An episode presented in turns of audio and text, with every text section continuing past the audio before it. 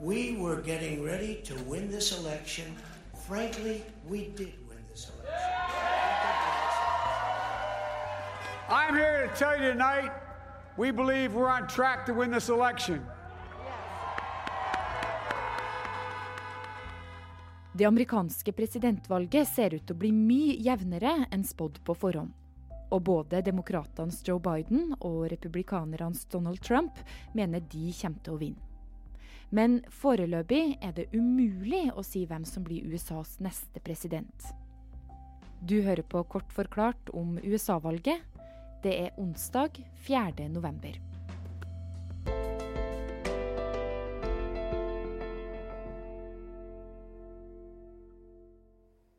Det er fortsatt mange stemmer som ikke er telt opp i USA. Men den som ender på 270 valgmenn eller mer, vinner. Nå onsdag formiddag klokka 11 så har Biden 224 sikre, mens Trump har 213. Kristoffer Rønneberg, du er utenriksjournalist i Aftenposten, og så har du jobba med valget i hele natt. Hva er status nå? Akkurat nå så er det fire delstater som eh, fortsatt uh, hvor resultatet ikke er klart ennå. Uh, helt på tampen av valgnatten i USA, altså på morgenkvisten i Norge, så fikk vi vite at Arizona har gått i Bidens favør.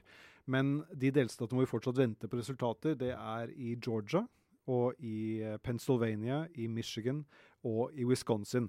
Og som et lite forbehold om at vi ikke har fått alle stemmene inn fra Nord-Carolina ennå selv om det virker veldig sannsynlig at Trump kommer til å ha vunnet der. Det er veldig jevnt?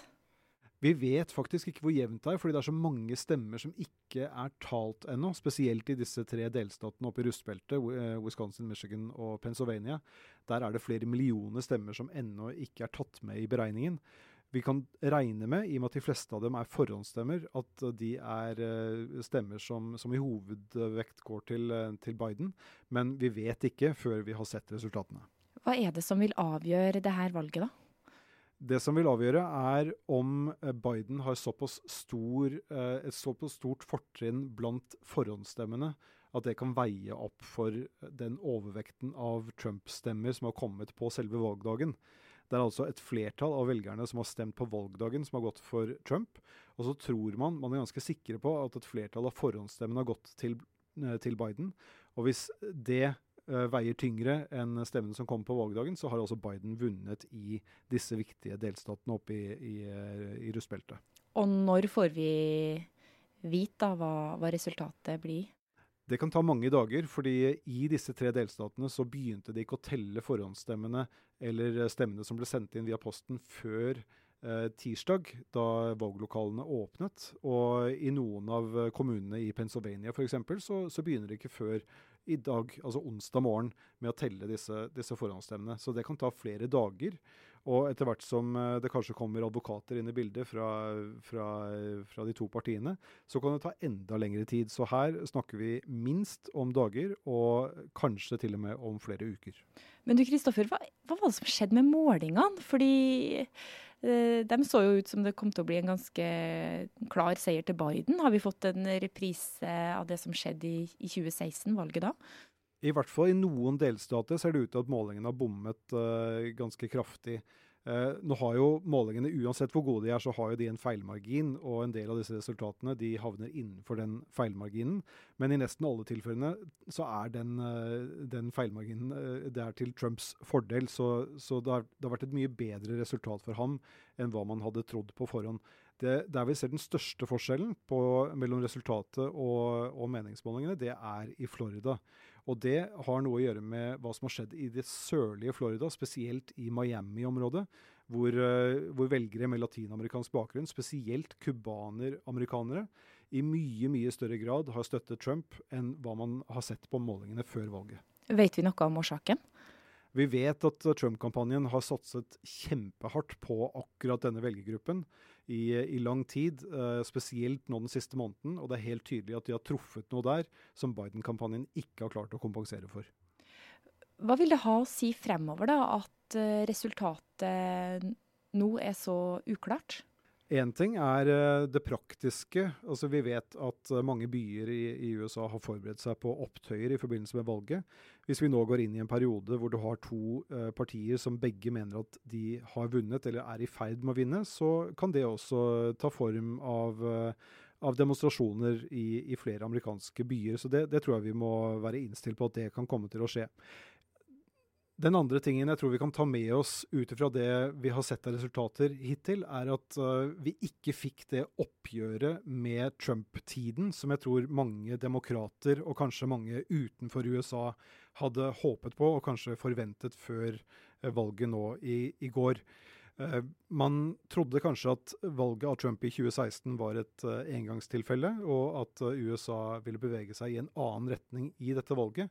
Men uansett av hvem som ender opp som vinner, at Donald Trump han har faktisk fått flere stemmer i år enn hva han fikk i 2016. Det har å gjøre med valgdeltakelsen, at den, at den er mye høyere enn hva den var for fire år siden. Men det handler også om at dette er blitt den moderne måten å føre politikk på i USA. Det republikanske partiet slik det var før, det er ikke lenger noe som er aktuelt. Nå er det Donald Trumps parti og hans eh, mer direkte nasjonalistiske linje som er det republikanske partiet. This is a major fraud in our nation. We want the law to be used in a proper manner. So we'll be going to the U.S. Supreme Court. We want all voting to stop. We don't want them to find any ballots at 4 o'clock in the morning and add them to the list. Okay? Så sier Donald Trump at dette valget er svindel, og at han vil eh, ta det til Høyesterett. Hvorfor det? Det Trump uh, sier, hvis man skal forsøke å forstå det, fordi det var ikke helt uh, klart sånn umiddelbart, men han sier at valget på en eller annen måte er blitt tatt fra ham, og at han er den egentlige vinneren. Han sa 'we did win'. Uh, frankly, we did win, sa han i talen sin. Eh, hvilket grunnlag han har for den påstanden, det vet vi ikke helt, i og med at det er så mange stemmer som ennå ikke er talt, og verken Trump eller noen andre vet eh, hvilken vei eh, de stemmene går i. Eh, så sier han at det skal ende opp i Høyesterett. Det er ikke noe han kan gjøre helt umiddelbart heller. Det, det må først gå via det, det, lokale rettsvesenet i den delstaten han ønsker å utfordre resultatet i. Og så må det eventuelt da gå videre oppover i systemet før det havner i, i Høyesterett. Men det som er viktig å legge merke til, er at Trump nå prøver å skape eh, en historie, en narrativ, hvor det er han som har vunnet valget, og hvor demokratene prøver å stjele det fra ham. Og da er det viktig å huske på at det narrativet det har han ikke noe grunnlag for akkurat nå, fordi vi vet ikke hvem eh, velgerne i disse tre delstatene har stemt på.